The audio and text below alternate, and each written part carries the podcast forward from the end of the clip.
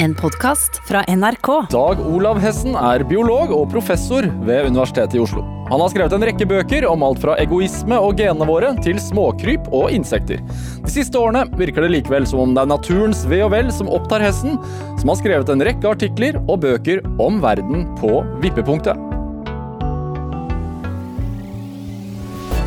Dette er Drivkraft med Vegard Larsen i NRK P2. Dag Olav Hessen, velkommen til Drivkraft. Takk for det. Det er ikke så ofte man hører den Olaven. Ofte er det bare O. Ja, det kan høres litt sånn irsk ut. O Hessen. Ja. Men eh, jeg begynte å bruke Olav, for det finnes en annen Dag Hessen, og det er sikkert ikke alltid han vil bli tatt til inntekt for mine oppfatninger. Nei, hva gjør den andre hessen? Nei. Eh, ja, han jobba med hotelldrift i, oppe i Gudbrandsdalen. Så jeg vet ikke helt hva han gjør nå, men eh, Det er ikke han det skal handle om i dag, i hvert fall. Um, altså, du er biolog, du er professor. Hvordan er en eh, helt vanlig dag på jobben for deg?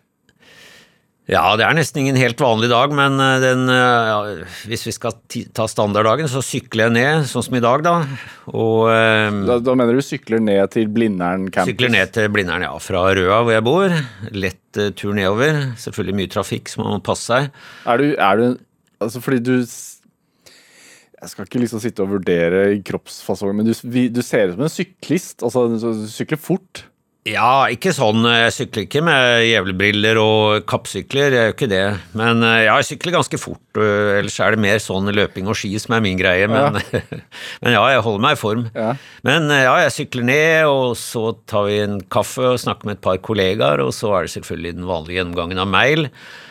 Eh, og derfra ut så kan dagen inneholde veldig mye. altså Det er selvfølgelig som hos alle mye møter, men jeg prøver å skrive litt på en artikkel innimellom hvis jeg får tid. Og eh, nå er det jo ikke så mye forelesninger, som eh, i hvert fall ikke analoge, men det er gjerne noen digitale forelesninger. og så, ja.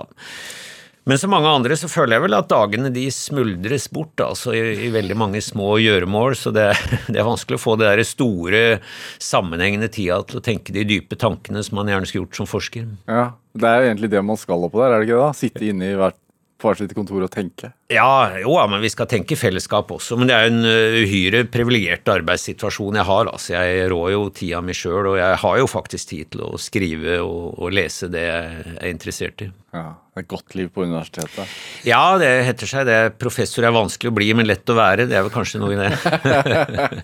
Eh, altså, du er eh, leder, og nå skal jeg holde, prøve å holde tunga rett i munnen her, altså leder for Senter for biogeokjemi i antropocen, eller ant, hvordan sier man Ja, antroposen? Ja, så, så, og det, da jeg så det, så følte jeg at jeg fikk sånn null poeng i Morgenbladquizen. Fordi eh, jeg måtte google, og antroposen er, altså det betyr vår tidsalder, gjør det ikke det?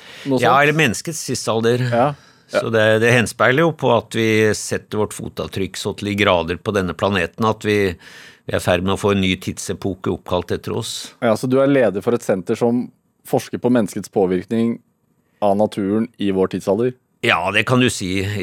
Men det vi ser på, dette er et samarbeidsprosjekt, eller en samarbeidsmiljø da, mellom eh, ulike fagfelter. Eh, atmosfærefysikere, kjemikere, fra folk fra geomiljøet og oss biologer, for å forstå liksom disse store, storskala tilbakekoblingene og disse risikoene vi nå ser for eh, nettopp vippepunkter i klimasystemer, men også natursystemer. Så det er et ganske stort eh, felt vi prøver å famne over, og så prøver vi også å holde en hånd utstrakt og samarbeide med de som kan forstå hvordan samfunnet responderer på dette, altså samfunnsvitenskapene og de som forstår klimapsykologi og den type ting. Hva finner dere ut av? Eh, ja, altså naturen er jo eh, sårbar, og det er derfor det er så vanskelig å si akkurat hvor denne situasjonen vi er inne i nå vil ende, fordi vi har disse om ikke akkurat vippepunkter, så i hvert fall sånne selvforsterkende tilbakekoblinger. Man, og det kjenner vi jo i kultur også. Man starter på en prosess, og så tar dette av. eh, og eskalerer på en måte som er veldig vanskelig å forutse. Og i verste fall så kan vi få sånne lokale vippepunkter, da, hvor man når en irreversibel nedsmeltingsfase av isen i eh, Arktis, eller grønlandsisen, eller smelting av, eller tining, da, som heter, av permafrost, og en rekke andre sånn eh, selvforsterkende tilbakekoblinger som, eh, som vi helst ikke bør oppleve. Og hva, Som biolog, hva er, ditt, hva er din ekspertise i, i forhold til ditt arbeid på dette senteret? Ja, Vi ser hvordan koblingen fra land til vann, også til kystområdene, foregår. Så det jeg jobber mest med nå, er å forstå hvordan hvordan eh, prosesser på land eh, relatert til klima eh, først og fremst påvirker vannkvaliteten. Altså vi ser at vannet blir brunere, det blir mindre kalsium i vannet. Vi ser at dette påvirker kystvannet. Kystvannet i Norge blir brunere, Oslofjorden har blitt brunere. og dette er også tilbakekoblinger, så nå kommer jeg rett fra Finse, hvor vi har vært oppe og tatt prøver av vann fra brekanten og langt nedover i dalen og sett på bruker DNA-metoder til å se på bakteriesamfunn som eh, produserer klimagasser, som vi også har analysert. Ja. Så, ja, jeg kunne snakka veldig mye om hva, jeg, om hva jeg er interessert i her, men poenget er jo at dette er så store og komplekse problemer at ja. man må jobbe mange sammen for å ha et håp om å forstå hva som foregår. Ja, og når man hører det som sånn vanlig mann i gata også, som jeg tenker at jeg er, så, så høres det også så komplekst ut at man liksom man faller litt ut. Jo, og det er jo veldig mange. altså det, De som påstår at de skjønner alt som foregår her, de, ja. de lyver altså. For det er veldig mange tannhjul som griper komplekst i hverandre. Ja. Så vi skjønner de store mønstrene. og jeg mener Det er ikke noen grunn til å betvile menneskeskapte klimaendringer som fenomen. Eh, og det jeg også er veldig opptatt av, altså vår, vårt forbruk av natur. Eh, det er godt dokumentert og belagt, men eh, akkurat hvor det vil føre oss, er vanskelig å si. og Det henger jo også sammen med hvordan samfunnet vil respondere, ny teknologi. Ja, ja Vil koronasituasjonen få oss til å tenke nytt, osv. Ja, hva tror du? Ja, jeg tror det på små skala. Altså Vi vil fly mindre og ha mer digitale møter og kanskje sette mer pris på nærnaturen og skjønne at gresset er ikke alltid grønnere på andre siden av gjerdet. Gresset er ikke alltid grønnere i Spania enn i Eh, på Vestlandet. Så jeg tror det, det, vil skje. Jeg tror vi vil fly mindre, men om vi liksom får den store omleggingen til et bærekraftig samfunn, det Ja, jeg håper jo da ja. at vi kan få et dytt i riktig retning. Ja, fordi du, altså Rett før koronakrisen kom, så, så kom jo du med boka 'Verden på vippepunktet'. Hvor ille kan det bli? Eh, det var jo boktittelen. Mm. Eh, hvor ille tror du det blir? Ja, det er jo en dyster tittel, da, og vippepunktet i seg selv peker jo mot noe sånt uh, uavvennelig og litt sånn utfor stupet-tankegang. Ja. Uh, men jeg starter jo da med å si at uh, verden går ikke under. Altså verden er robust og har hanka seg gjennom Jordkloden har hanka seg gjennom store kriser før, også før mennesket kom på banen. Eh, så den vil jo bestå, og jeg tror jo eh, Bare i en annen form, kanskje? Ja, det er det, da. ikke sant? Og jeg tror også oppriktig at menneskeheten vil eh, bestå, men hva slags vilkår vil vi leve under? Så jeg tror ikke verden går under, som noen sier. Det er en dårlig metafor, og vi går heller ikke utfor stupet. Men det kan bli ganske ille, altså. Og hva, hva, hva, ser du for deg? Ja, Sånn som vi styrer nå, så går vi mot uh, 2,5 til 3 graders global oppvarming, og det er ingen som aner egentlig hvor det vil føre oss. Og, og allerede nå ser vi jo at store deler av verden lider, både dyr og planter, og selvfølgelig mennesker også. Men er det ikke litt sånn altså, når man sier, hele tiden bruker de, Eh, disse, at gradestokken skal gå to-tre grader opp. Det, det, er, det, er, det som er problemet, for det høres ikke noe skummelt ut.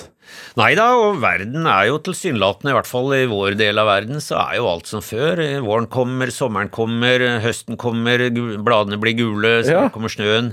Så det ser jo veldig normalt ut, og det er jo derfor det er veldig viktig at vi de som driver med, eller vi som driver med klimavitenskap på naturfaglig side, allierer oss med, med, de som forstår hvordan dette budskapet skal eh, formidles og forstås, sånn at vi får til eh, altså, vippepunkter i sosiale systemer da, for å motvirke vippepunkter i, i natursystemene. Ja, er det Når du har skrevet sånn som den boka her, og, skisserer noen scenarioer som ikke nødvendigvis er positiv lesning, da, er det er, blir du redd da? Selv? Eh, nei, altså merkelig nok, eh, og jeg undrer meg litt selv, det er ikke sånn som ligger våken i natta om natta og gruer meg og grubler på dette, og jeg tror det har med måten vi opplever kriser på. Altså Vi bruker jo begrepet klimakrise, Ja. eh, og det tror jeg er riktig å bruke, men samtidig så ser vi at det oppfattes ikke som krise, for det er for langsomt, det er for abstrakt, vi føler ikke at det rammer meg eller mine. Har blitt to grader varmere, hva nå Ja, nei, gjør vel det? det er, er ikke det bare fint, egentlig?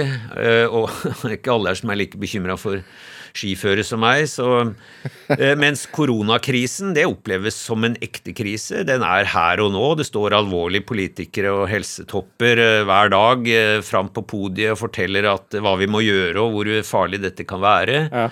Og det kan ramme meg og mine her og nå, så det, det oppleves som en ekte krise. Så jeg tror det er der litt av problemet ligger, at klimakrisen, som jeg vil si er større og mer truende hvis vi ser framover i tid enn korona, ikke oppleves som en krise på den måten, da. Er det, er det litt sånn at vi bare klarer én krise av gangen? Ja, det tror jeg, og det er også grenser for mye elendighetsbeskrivelse vi, vi orker. ikke sant? Det er noen psykologiske barrierer som slår inn, og, og de er bra på en måte, men hvis de gjør at vi, vi på en måte lukker øyne og ører, så er det jo ikke så, så bra. Men det er genuint vanskelig å vite hvordan dette skal formidles, for det er klart, du kan ikke si at slapp av, dette går bra, og ta det. Jeg er optimist, som alltid politikere må runde av med å si. Eh, For det motiverer jo ikke til handling, men samtidig, hvis man eh, antyder at dette går rett vest, så motiverer det jo heller ikke. Ja. Og, og sannheten er jo også et sted midt imellom. Det går ikke rett vest, som sagt, i den forstand at verden går under, og menneskeheten går under, men, men det kan bli ille. Men eh, når det er sagt, altså, det er jo mye som skjer, da. Det er en helt annen oppmerksomhet rundt dette, og en politisk forståelse og erkjennelse av det nå enn det var for ti år siden. og Jeg tror 2019 var et sånn oppvåkningsår, kanskje litt katalysert av, av Thunberg i Sverige, men mye annet også. Ja. Men er det Har koronakrisen gjort noe med engasjementet ditt? Nei, egentlig ikke. Det har ligget der eh, langt, langt tilbake, nesten så lenge jeg kan huske. Ja. Så, men eh, det gir jo en anledning, tenker jeg. Dette er jo eh, altså når, eh, når finanskrisen var i 2008, så tenkte også mange at dette er anledning til å tenke nytt om en kurs som allerede da var eh, åpenbart litt, litt skeiv. Pøset man bare mer penger på det samme? Ja, ikke sant. Det var bare ett svar, og det var løp og kjøp for å få hjulene i gang igjen. Og det var ikke noe ordentlig ny teknologi, og, det, og vissheten om eh, alvoret var heller ikke seget helt inn. Mens i 2019, så, og når korona kom, så, så er vi i en annen situasjon. Det er en del annen teknologi tilgjengelig, og vi, vi har en annen erkjennelse av alvoret i situasjonen. Ja, men tror du Har vi ikke et behov for å løpe og kjøpe, da? Jo, det er det, så jeg mener man skal ikke undervurdere dette, og vi er kortsiktige. Altså, jeg mener jo Ja, hvor kortsiktige er vi? Ja, altså, du er jo jo- biolog, du kan jo dette med arter og Ja. Ja. Nei, ikke sant. Det, det er jo, vi, vi er jo utmeislet av eh, vår revolusjonære forhistorie, vi også, som alle andre arter. Og, og jeg mener det er mye godt å si om mennesket. Men ofte sier vi er bedre enn vårt rykte, og vi er flinke til å samarbeide, og vi har mye empati og alt dette. men men vi er ikke evolusjonært innretta mot å tenke veldig langsiktig. fordi i hele vår forhistorie så har det vært få mennesker i en endeløs natur. Det har lønt seg å ta for seg godene her og nå.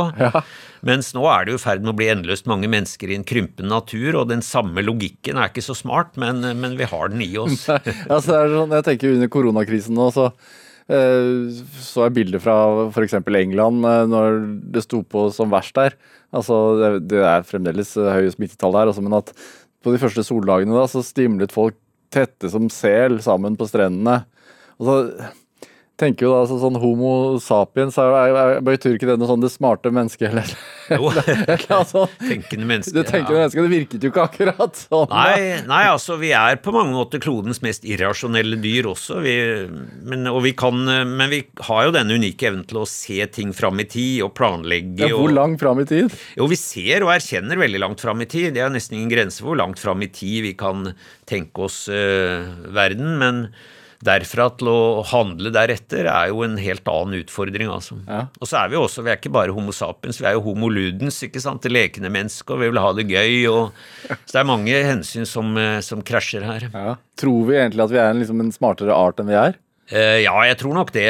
Uh, nå er vi jo en smart art, da, men jeg uh, Sett i forhold til andre arter? Ja, jo, det er vi jo helt klart. I hvert fall hvis vi bruker sånn hva skal vi si, abstraksjonsevne og den type intelligens som kjennetegner oss, hvis det er normen, Ja. det vi normerer etter, så er det klart at vi er i en særstilling. Det ingen tvil om det. Men vi er ikke så rasjonelle til å ta de langsiktig riktige valgene som vi ønsker å tro at vi er.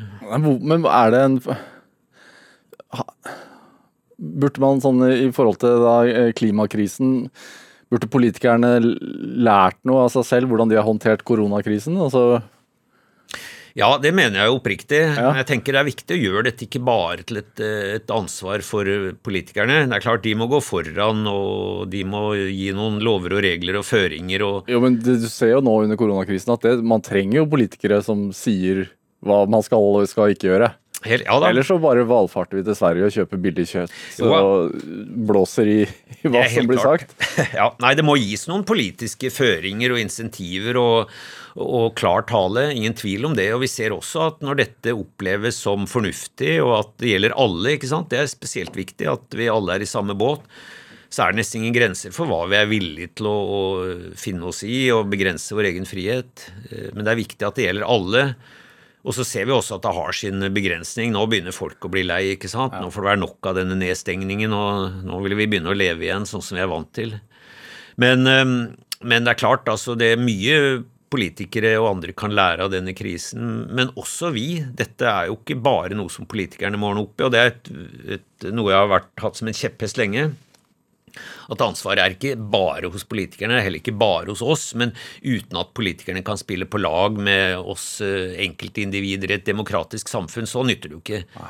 Hvis vår respons med en gang er å eh, bli medlem av bompengepartiet eller mot høyere bensinpriser eller si at ja, alle andre får gjøre noe, men ikke jeg, så er vi jo like langt. Men det er vel fåtall som, som egentlig tenker sånn. Er, viser ikke eh, undersøkelser at de aller fleste ønsker i, ster i sterkere grad å bli fortalt hva man skal gjøre og ikke gjøre i forhold til klima? Jo, det er nok riktig det, altså. Så klar, klar tale er eh, viktig. Eh, og veldig mange sier jo at de er villige til å gjøre ganske mye, også for klima. Det var jo en undersøkelse som viste at et flertall sa at de kunne tenke seg å gjøre omtrent det samme for klima som de hadde nå gått med på i koronasammenheng. Om, om man virkelig mener det, er jo en annen sak. Da. Folk gjør seg alltid litt prektigere i sånne undersøkelser. de egentlig. Men hva, hvilke endringer tror du vi kommer til å se i, i løpet av vår tid?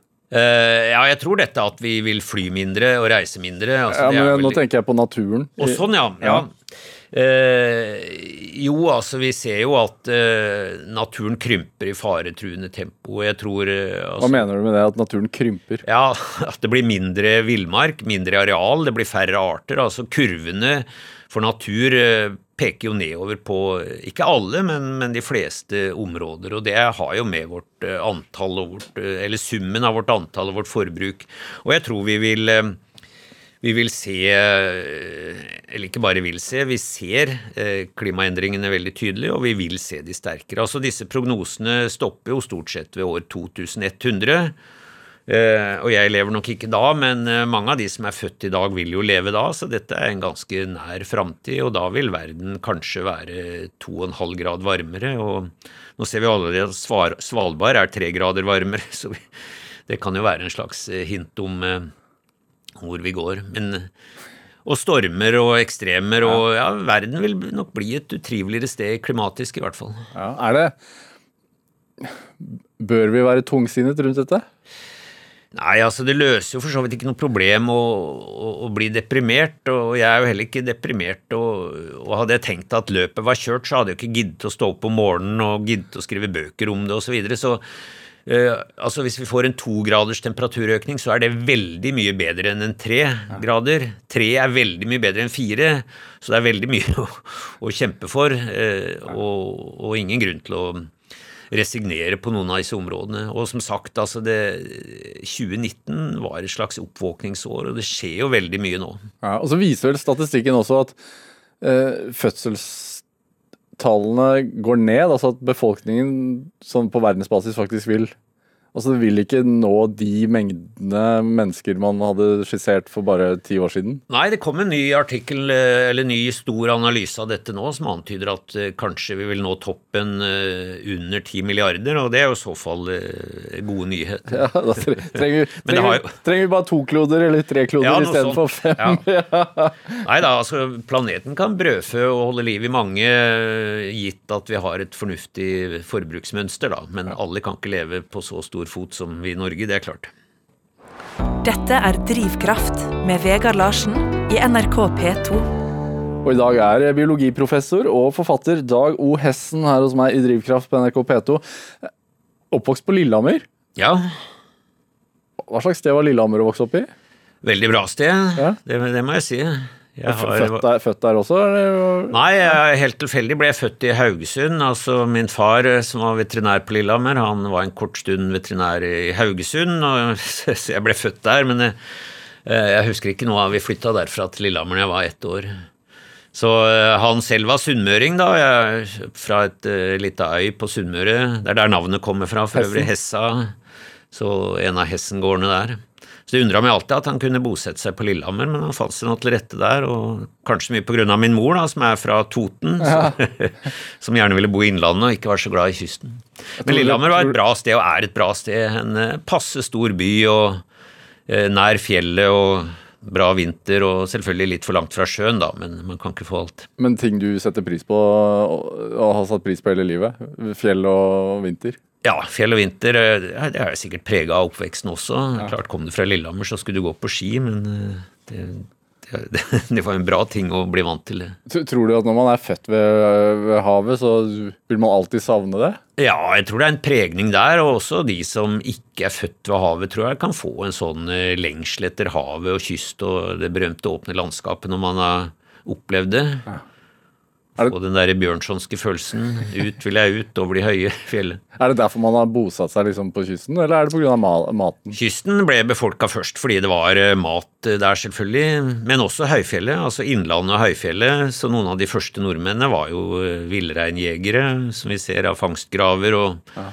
Men kysten var selvfølgelig befolka aller først. Ja. Det, altså du, du, nevner faren din var veterinær. Eh, moren din var sykepleier. Sykepleier, ja. ja. Er det er det dette her som gjorde at du ble opptatt av dyr og biologi og sånn? Altså Nei, det har jeg lurt mye på. Det er nok litt tilfeldig. Altså, jeg ble jo tatt med ut i skog og mark, men ikke noe mer enn andre, tror jeg. Vi gikk jo på våre søndagsskiturer, som jeg ja, dels oppfatta som litt sånn slitsomme.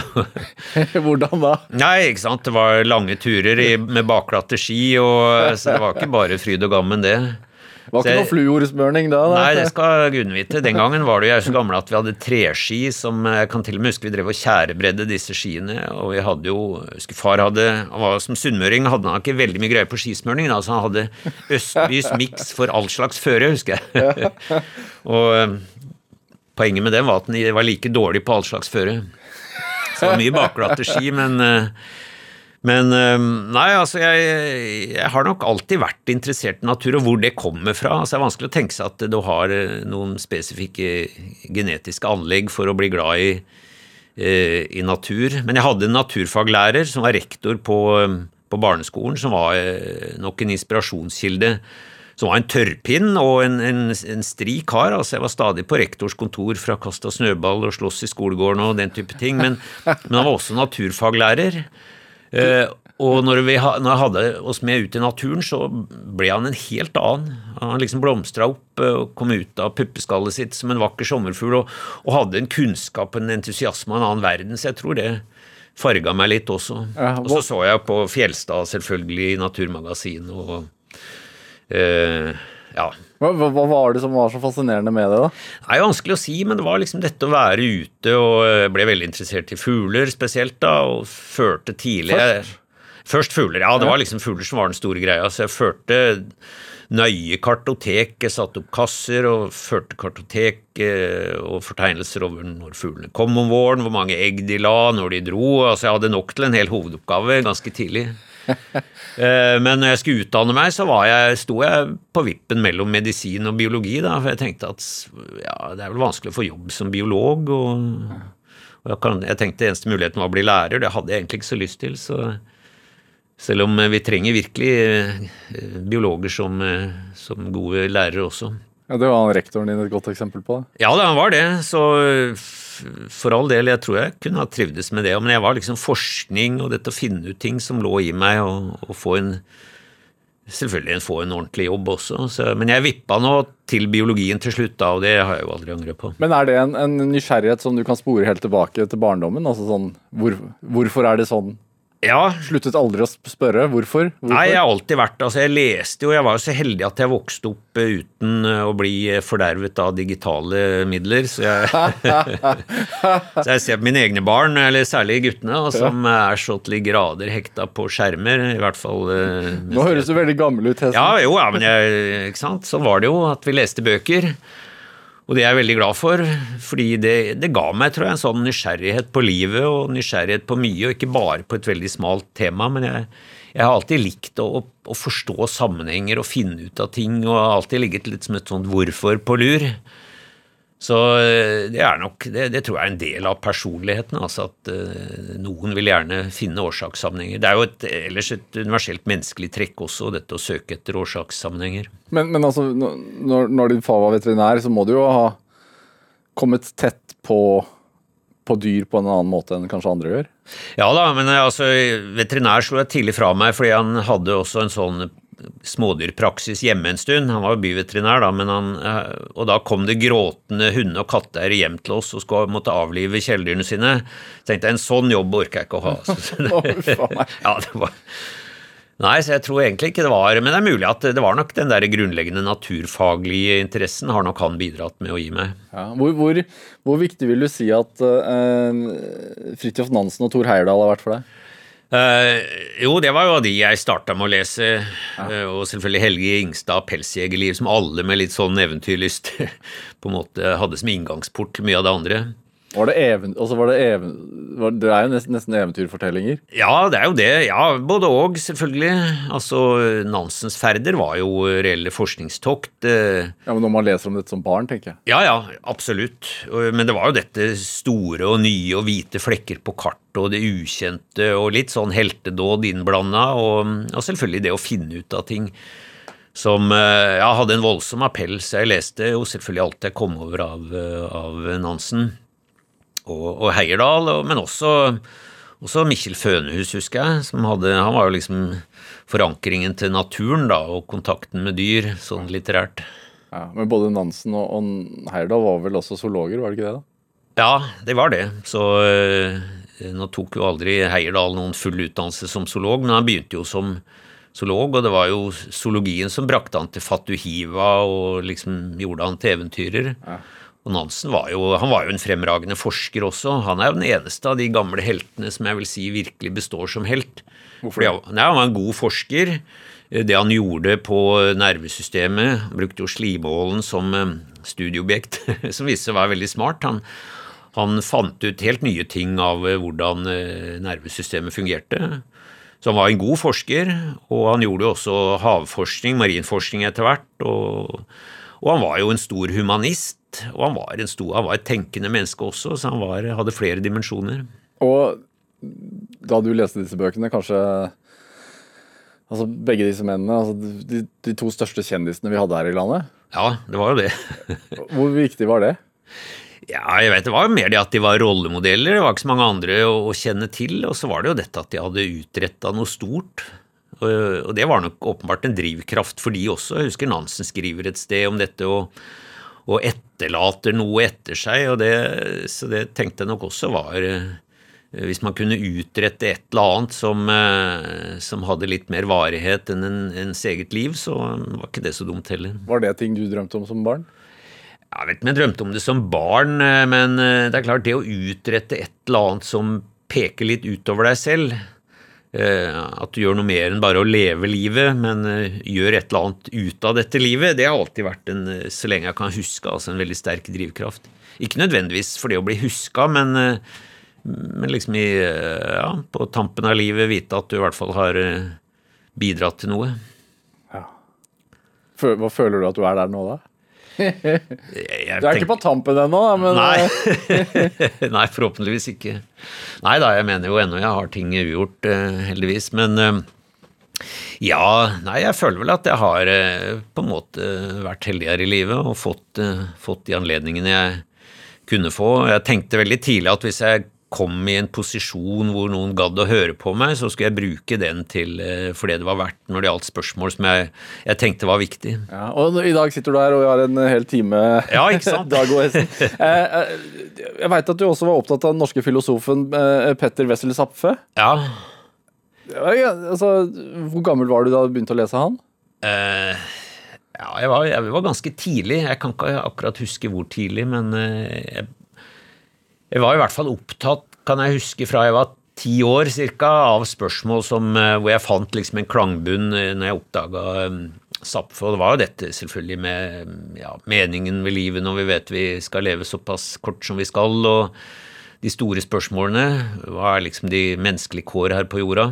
Ja, Han skrev noe, altså, skrev noe sånt som 'livet er en forstyrrelse på vei mot døden' og Ja, han er jo veldig dyster, så Ja, jeg, jeg følger jo på ingen måte Ja. Zapfe der, og han mente jo også at vi 'mennesket passer ikke inn i naturen'. Nei, han mente jo at vi hadde på en måte fått et intellekt som gjorde at vi stilte disse forferdelig vanskelige spørsmålene. Altså hva er vi til for, og hva er meningen og det hele? Og han fant ikke noe svar. Han var jo på mange måter en slags nihilist, da. Eh, og da var det bedre å skåne framtidige generasjoner for denne forferdelige livsangsten og, og erkjennelsen, og derfor mente han jo at det var best hvis vi unnlot å få barn, sånn som han øh, gjorde, da. Veldig bevisst. Jeg har jo ikke gjort det, da. Jeg har jo reprodusert, og mener jo at eh, den dystre måten å, å se verden på, den, den deler ikke jeg. Nei. Men disse store spørsmålene er jo selvfølgelig ja, Er det, er det rundt den alderen? Altså sånn, er det da man begynner å stille det ofte? Ja, jeg tror det. Altså, jeg var veldig opptatt av dette med død og eh, mening osv. ganske tidlig, og tok jo også tidlig oppgjør med, med det en kan kalle barnetro. og Jeg tror det var litt sånn katalysert. Jeg tror noe hadde starta allerede i første klasse, for da hadde vi en, en jente som plutselig døde i klassen vår. Og, øh, som var forferdelig. Plutselig var hun borte, og vi ble tatt med til kirkegården som lå rett ved skolegården, på begravelsen, og dette var jo en forferdelig opplevelse for et tungt menneske. og Ja, For da var dere barn? da var vi bare et barn, og jeg tror ikke det var Det er greit, man skal ikke skåne barn for livets, uh, livets virkeligheter, men jeg tror kanskje ikke det var så lurt, i hvert fall for de av oss som var sarte sjeler, da ble tatt med de. Det, det fikk i hvert fall meg da til å stille mye spørsmål med ja, hvordan kunne en gud eh, virkelig ville dette, og jeg kom jo til at eh, det var ikke noe godt svar på det, selvfølgelig. Og, og spørsmål om liv og død som, eh, som gjorde at jeg også leste litteratur på det. Men det var jo seinere jeg møtte på, på Zapfe. Men jo, Zapfe har jo flere sider. Det er jo dette at han var fjellklatrer og en fantastisk humorist. Også så han var jo et paradoksalt menneske, så i tillegg til eh, denne pessimistiske siden hans, så skriver han jo barske gleder som er altså Jeg blir aldri lei av å lese de tekstene om igjen. Hva, hva handler det om? Nei, det er jo morsomme historier fra liv under en åpen himmel, eh, med alt fra de starta på ekspedisjoner i, eh, i Troms eh, da han var gutt, da, til hans turer med Arne Næss, eh, og alt skrevet med sånn burlesk humor. altså Han var en språklig mester. Så alle som ikke har lest Jeg mener det er sånn pensumlitteratur for alle som Ja. ja. Ikke bare de som er glad i friluftsliv, men i hvert fall de. Men det er ikke vanlig for tolvåringer eh, flest eller, å lese Zapfe, altså? Nei, jeg, jeg var nok mer enn tolv når jeg leste Zapfe, men jeg hadde i hvert fall lest veldig mye når jeg Det var fordi jeg bodde i nærheten av et bibliotek, og det var ikke så mye annet å finne på alltid, så Ja. På Lillehammer. På Lillehammer, ja. Er det Altså, hvor lenge Altså, Når man grubler på dette her, altså eksistensialismen og de store spørsmålene om liv og død, og, og, og bruker mye tid til å tenke på det, hva, hva finner man ut etter Eller hva fant du ut etter hvert? Tja, kommer, man resignerer vel på en måte til dette spørsmålet om uh, mening eh, med livet. Det, jo, det krever jo på en måte et slags religiøst svar, at det er en vilje bak som vil et eller annet, uh, som for meg var umulig å fastholde, i særlig lys av verdens tilfeldigheter og grusomheter. Men, eh, så det jeg ganske tidlig landa på, som gir en slags sånn sjelefred, det er at eh, man må ikke lete etter meningen med livet, men meningen i livet, og den er jo opp til oss selv å, å, å generere. Så jeg mener jo da, eh, i motsetning kanskje til Zapfa, at det er fullt mulig å finne en fullverdig mening i livet. Som jo også var Arne Næss sitt poeng, da. Han argumenterte jo også mot Zapfe der, og Zapfes svartsyn. Hva, hva, hva er din mening, da? Eh, ja, det er flere meninger, men det er jo nettopp dette at du gjør ting som er eh, av betydning for andre enn deg selv. Hvis liksom hele livet dreier seg om å dekke egne behov og that's it, så syns jeg det er vanskelig å finne mening. Men Eh, og det er klart I en situasjon som i dag, hvor jeg mener planeten og menneskehetens framtid står på spill gjennom eh, klima- og naturødeleggelser, så er det jo ikke vanskelig å finne det meningsfylt å prøve å eh, redusere den risikoen. Men det er mye annet også. Det er klart man kan finne Det er mange interessante undersøkelser av de som driver hjelpearbeid, f.eks. De får en god indre følelse. Så det er jo et belønningssystem ved dette også, ved, ved, ved å hjelpe andre. Som jeg tror også er et evolusjonært trekk ved mennesket. Vi er evolvert som, som, sosiale dyr, så det å ha empati og innlevelse og også en form for uh, moralske følelser tror jeg ligger dypt i oss og er helt naturlig. Ja, Det er også det som gjør at vi som mennesker ikke passer inn i naturen, som Zapfe ville sagt.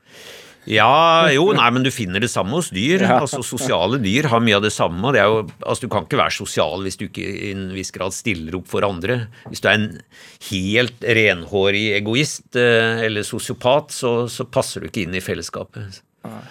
Eh, Hessen, eh, jeg ba deg ta med litt musikk. Eh, du gjorde det. Eh, du tok med en Brian Ferry-låt, eh, 'Let's Stick Together'. Hvorfor det? Ja, det er jo litt fordi den For det første er det en musikk Jeg liker musikktypen, da. Jeg, jeg har alltid vært et blues- og rockemenneske. Uh, og den versjonen av denne ikoniske melodien som mange har spilt, syns jeg kanskje Brian Ferrys versjonen er den beste. Og så var jeg i sin tid faktisk i, på Skavlan uh, i en fjern fortid sammen med Brian Ferry. Og så ble jeg litt sånn uh, på sparket spurt om hvilke melodier Brian Ferry jeg likte best. Og eneste jeg kunne komme på, var den der Let's Stick Together. Som er en av de få han spiller som ikke er hans egen. Så jeg var, litt uheldig med, med den. Men det, det, det, er jo fordi det er, det er, en melodi som mange har spilt, og som har nettopp dette i seg. Altså la oss, la oss holde sammen. La oss høre.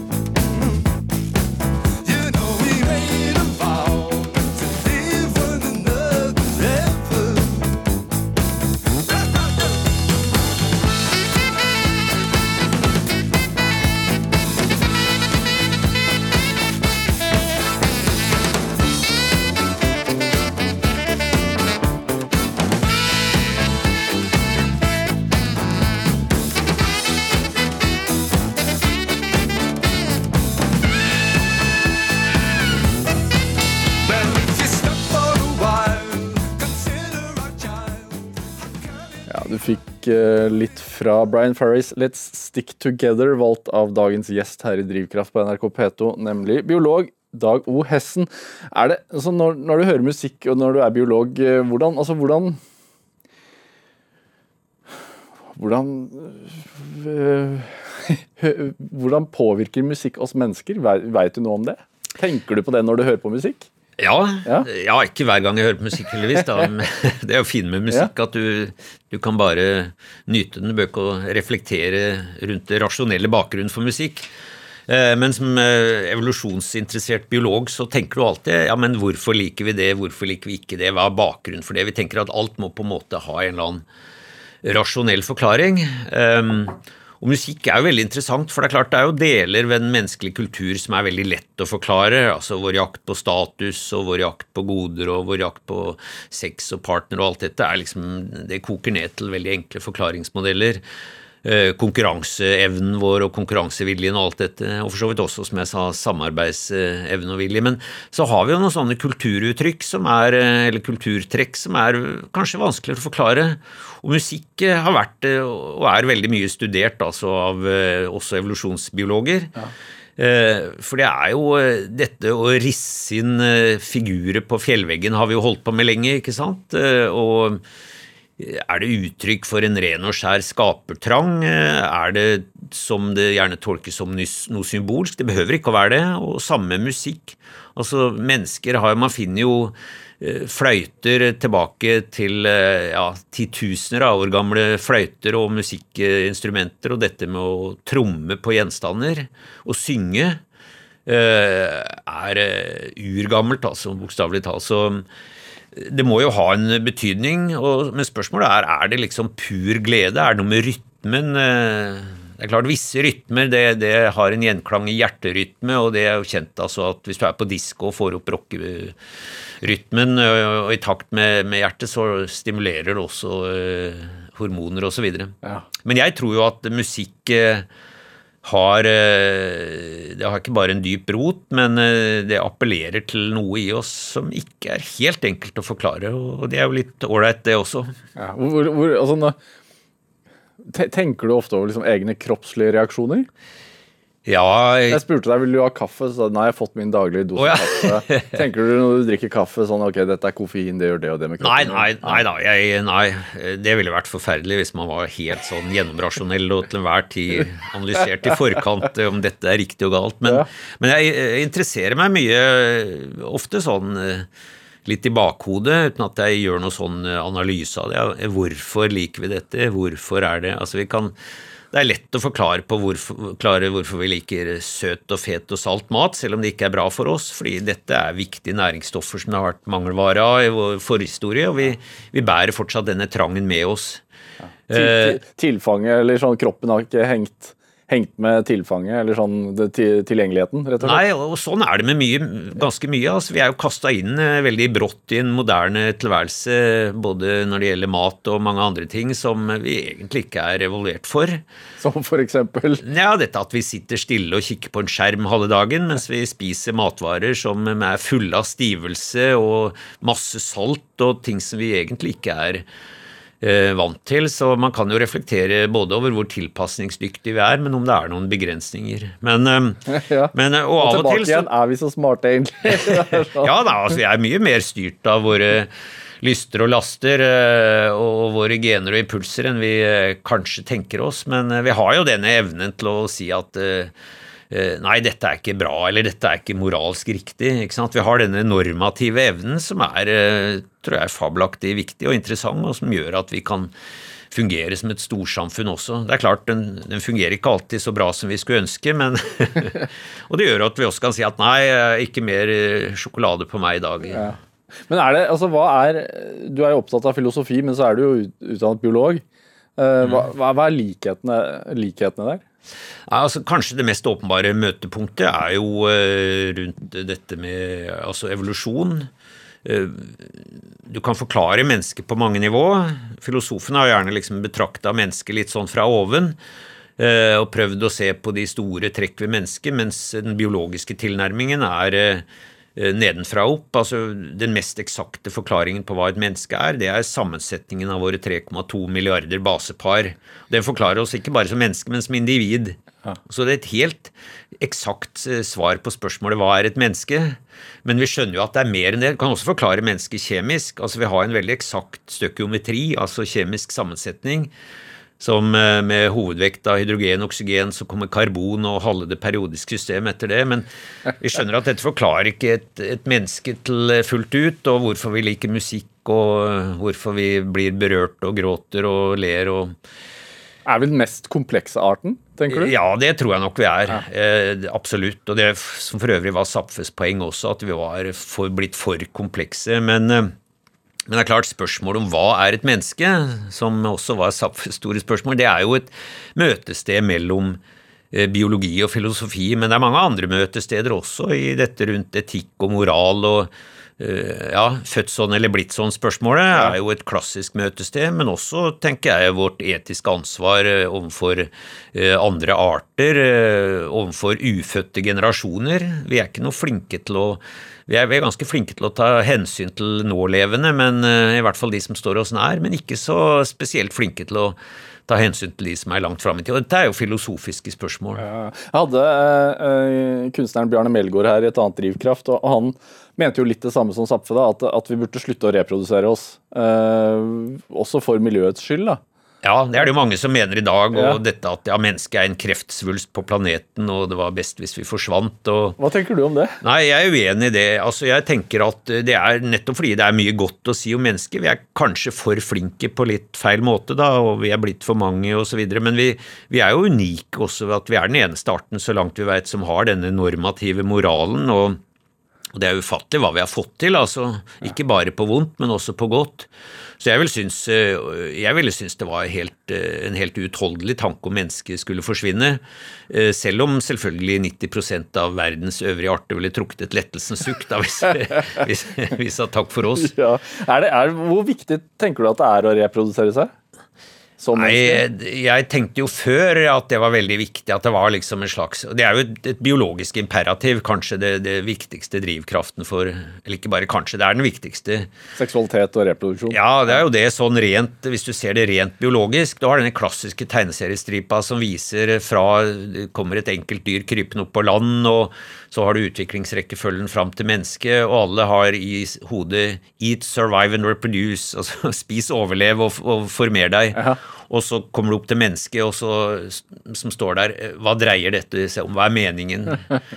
Så, så fram til mennesket så er det jo liksom dette med å bringe genene videre som er imperativet, og finne måter å gjøre det på. Og dette har jo naturen funnet ufattelig mange smarte og, og forskjellige måter å gjøre på. Mens jeg tenker at det å være et menneske, ja, det er jo for de fleste, tenker jeg, en én måte å skape mening på, se at noen kommer etter, og at man kan ha omsorg for egne barn osv. Men det er veldig mange andre måter også. Har det gitt mening for deg? Altså, du har fem barn? Ja, har, det er litt sånn tilfeldig. da, Jeg planla aldri det. Eh, så, og jeg, jeg er ikke noen praktiserende sosiobiolog, eh, så jeg har ikke hatt noe bevisst med genspredning å gjøre. Men eh, det er klart, det. Jeg, eh, det gir jo en, en, mening å få barn, men jeg tenker at mening kan skapes på veldig mange andre områder som ikke har med barn å gjøre, og som kanskje har vel så stor og positiv betydning. Man, man kan snakke om gener og spre gener, men man kan også spre dette som kalles memer, altså ideer som kan være hva som helst, som kan bringe samfunnet framover å være bedre for fellesskapet på lang sikt enn akkurat å spre sine egne gener. Men du, du, snakket om at du var opptatt av å finne mening i livet, og kanskje ikke så mye meningen med livet, men hva, hva har som biolog da, fått fem barn, hva har det gjort med meningen i livet? Jo, det skaper jo en slags konkret mening, selvfølgelig. At du har, eh, du har, omsorg for disse barna, og du vil at det skal gå de vel. Og de er jo en slags eh, stafettpinne videre. Men jeg har jo etter hvert eh, erkjent at mine egne gener, å bringe de videre, er ikke så veldig avgjørende, tross alt. Altså, det er, det er mer, jeg er blitt mer og mer opptatt av hva man kan gjøre godt og viktig av andre ting, enten da, gjennom vitenskapelige oppdagelser, det er liksom én ting, og, og, rett og slett finne noe nytt innen vitenskapen og forskningen. Og det andre er jo dette å også eventuelt kunne bruke den kunnskapen til ja, høres litt sånn øh, floskelaktig ut, men å gjøre verden til et bedre sted. Men, øh, men, på et eller annet vis er det jo det vi bør tilstrebe. Ja, men Hvor, hvor stor skyld tenker du at, at seksuell seleksjon har å si for måten vi behandler naturen på, da? Uh, vi, har, vi, har liksom ikke, vi, har, ikke, påfuglfjær, men vi har privatjet. Ja, jo, det er klart. altså Mye av forbruket og statusjaget som har vært med å drive opp forbruket, det har jo med Det er nok dels sammenligning med naboen, men det er også dette med å imponere. Så jeg tror nok det er en, en komponent i det. Altså dette å være høyt på strå materielt har jo vært uh, en sentral drivkraft, og helt klart noe av det som Eh, som har bidratt til verdens skjeve gang. Eh, og det er jo, som du sier, seksuell seleksjon. Det er våre påfuglfjær eller våre, vårt store gevir ja. med dette å vise status. Så det er egentlig for å få orden på naturen, så må statusen sy Statussynet må forandre seg litt. Ja, nettopp. Vi, vi må finne andre arenaer. Jeg tror konkurranse er eh, på mange måter bra, det er ikke noe vi skal avskaffe, men vi må, finne, vi må konkurrere om noe annet enn ting. Eh, og det er jo for øvrig sånn at uh, man mener at seksuell seleksjon går også på dette med smarthet og et glimt i øyet. Altså, eh, Oppegående damer velger jo ikke en mann uh, stort sett fordi han har stor bil, men hvis han er snill og har et glimt i øyet og humor, så er det seksuelle attributter som kan være vel så viktig. Spille mer på det. Dette er Drivkraft med Vegard Larsen i NRK P2. Og I dag er biologiprofessor og forfatter Dag O. Hessen her hos meg i Drivkraft på NRK P2. Altså, Stemmer det at skoleringen din, altså forståelsen av naturen, eh, har redda livet ditt en gang? Mm, ja, det er vel å ta eh, hardt i, kanskje, men eh, jeg eh, Holdt på å fryse i hjel en gang? Ja, holdt på, ja da, det var en episode Jeg har vært ute i ganske mange episoder i fjellet, men alltid følt at jeg har hatt kontroll. Eh, og jeg jobba nå også en periode som fjellfører og brevfører, så jeg har liksom lært meg til å takle mange situasjoner, men jeg og min nåværende kone, vi var eh, på eh, Og det er mange, mange år siden dette. Vi var på fjelltur og kom ut i et forrykende uvær som ikke var meldt. Dette var i januar, så det var korte dager og det var kaldt. Eh, og vi måtte grave oss ned til slutt. Det var full orkan. Det var 50 sekundmeter ble det målt. Hvor var dette? Det var på Norefjell. Et sted du egentlig ikke Vi skulle bare gå en liten hyggelig tur inntil eh, en hytte der. Eller Høgge Varde-hytta. Og så kom altså uværet kastende over oss, og det var overraskende på alle. Men vi hadde med en spade, da, og jeg hadde med soveposer, så vi gravde oss ned og, berga livet den første natta. Nei, men det er ting man, altså, Hvis man legger ut på en kort tur, så har man ikke ofte med en spade eller en sovepose. Nei, jeg hadde med spade for å grave solgrop, for meldingene var faktisk så gode. og soveposer hadde vi fordi vi skulle overnatte på en turisthytte, og det var greit å å ha med. Men det er klart, jeg, jeg, visste jo hvordan jeg skulle grave en snøhule, og jeg skjønte jo at vi måtte søke et sted hvor det var en skavl vi kunne grave i, så jeg hadde jo litt sånn eh, jeg hadde jo noe med meg som ballast som gjorde at vi kom oss gjennom den første natta. Men kledd for en Nei, vi var ikke det, og jeg hadde jo idiotisk nok langrennshansker, ikke sant, selv om vi var fora. Så når jeg gravde den snøhulen, så ble jeg gjennomvåt, og når vi prøvde å gå videre neste dag, for da frøys vi fælt, det var ikke noe behagelig natt, altså, i den snøhulen og, prøvde å finne hytta. Dette var før GPS-ens tid, så fant vi ikke den hytta. Kart og kompass blåste jo av gårde og forsvant, så vi har sikkert passert hytta bare på kort hold, men det var, fantes ikke sikt. Så da, i løpet av den neste dagen, da gikk vi jo hele neste dag, og da forfrøys jeg fingrene så alvorlig at um, når vi etter noen dager ble redda, da, så var det jo snakk om å amputere de. Ja, Men de sitter der ennå? De sitter der. Og det er jo interessant, for da tenkte jeg at ok, om jeg mister uh, Ja, det var åtte fingre da var snakk om å ta. De var svarte og stygge, og det var jo snakk om koldbrann, selvfølgelig. Um, så om jeg nå mister disse fingrene, så så får nå det våge seg. altså Jeg har berga livet, og det er det viktigste. Men jeg ser jo i etterkant at livet hadde blitt et ganske annet med, med uten fingrene. Ja. så, men det har gått utrolig bra. Det var veldig lite kunnskap om denne type dypforfrysning. Det var eh, brannskadeavdelingen på Haugland, Haukeland som ble konsultert, og jeg snakka med en kollega som hadde blodigler, for jeg skulle låne de for å få i gang blodomløpet. Disse blodiglene sprøyter inn stoff som heter hirudin, som er eh, blodfortynnende, og som kan få i gang blodsirkulasjonen. Men før jeg rakk iglekuren, da, så, så begynte jeg å kjenne små prikkende følelser, og så, så regenererte fingrene seg av seg selv, altså nesten, nesten mirakuløst. Ja. Og nå er de helt fine. Ganske interessant for en biolog? da. Ja, veldig interessant. Og, og jeg hadde ikke trodd at det var mulig. Og jeg tror for, noen år tidligere så hadde man bare kappa disse fingrene tvert. altså. Blir man redd for naturen etter sånt? Eh, du får litt sånn, i hvert fall første fjellturen etter det, så var vi litt sånn ydmyke. Men eh, samtidig så skjønte vi at det var ikke Jeg følte ikke at dette var noe personlig fra naturen. Ja. Eh, og det var jo et ekstremt tilfelle, så jeg har ikke fått noe angst for natur etter det, men selvfølgelig litt eh, jeg må si litt mer respekt, altså. Hvorfor, altså Sånn som nå under koronakrisen, så ser man jo at folk virkelig har blitt trukket mot naturen. Ja. Uh, folk henger i sånne køyer overalt, og ut i skauen og ut på fjellet. Hvorfor tror du det er sånn? Er det noe med liksom kriser og sånn som gjør at man Ja, det, jeg tror det er mange årsaker. Det ene er selvfølgelig at um, nå var det det man kunne gjøre. Det var veldig mye annet som man ikke kunne gjøre. Man kan sitte hjemme og se på Netflix og ja, da, kan det, og det var sikkert også, ganske det- mange som gjorde det også. For alt jeg vet flere enn de som uh, søkte til skogs med hengekøyer. Men og, så var det jo det at det, ble hypa opp litt, det ble veldig mye snakk om det, og at dette var en kul ting å gjøre, så folk posta bilder av seg selv på sosiale medier, solnedgangen i hengekøye. så eh, det var nok litt sånn at det, ga status å gjøre, men jeg tror også at mange, for mange ble dette en litt sånn Jeg tror det etterlater et varig inntrykk. Jeg var ute i marka nå her for et par helger siden, og, og eh, rundt et av vannene her så var det jo tett i tett med telt og hengekøyer fortsatt, altså nå på høsten. Så, eh, så jeg tror dette har etterlatt noe varig, og kanskje mange har funnet tilbake til en slags sånn gammel venn, nemlig naturen, som de ikke helt har visst at de savna, men, men skjønte det når de fikk sjansen. Ja, men det, altså, det må vel være noe med det at et, et, et, et lite virus kan, kan skade oss eller rokke om på ting så kjapt, så sier det også kanskje noe, noe større, da, at vi er i, i mer i et kretsløp med naturen, at vi hører mer til. Ja, det kan godt være at det er den type tanker som ligger bak også, og at eh, vi har behov for noe veldig konkret og nært og håndfast, og at det er liksom Naturen er der. Det har alltid jeg følt med naturen også, og uansett hvor kjipt livet måtte være, så er liksom naturen der for deg, og den krever ikke noe av deg, den bare gir. Stort sett, da. Så, så jeg tror mange føler på det, og at det er et eller annet sånt og Kanskje også i en sånn uh, urolig tid så gir det rett og slett sjelefred da, å bare ligge der i en hengekøye og se utover vannflata. Dag og Hesten, du har akkurat skrevet en bok om insekter også, men hva, hva tenker du er liksom drivkraften din? Ja, drivkraften min er jo um, to, to ting når det gjelder natur. Det er dels å formidle denne inderligheten. Jeg skrev en bok eh, som bare het 'Natur, hva skal vi med den?' en gang, og det, det var nettopp for å der starte med denne inderlige følelsen som, som jeg har av natur, og som helt klart veldig mange har. Som er nesten ubeskrivelig, men en slags form for kjærlighetsforhold.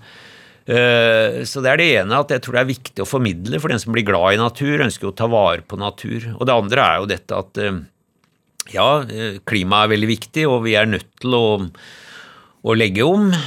Det er lett å si, vanskelig å gjøre, men vi må i hvert fall eh, forklare at vi står i en alvorlig situasjon. Men at dette dreier seg om mer enn CO2.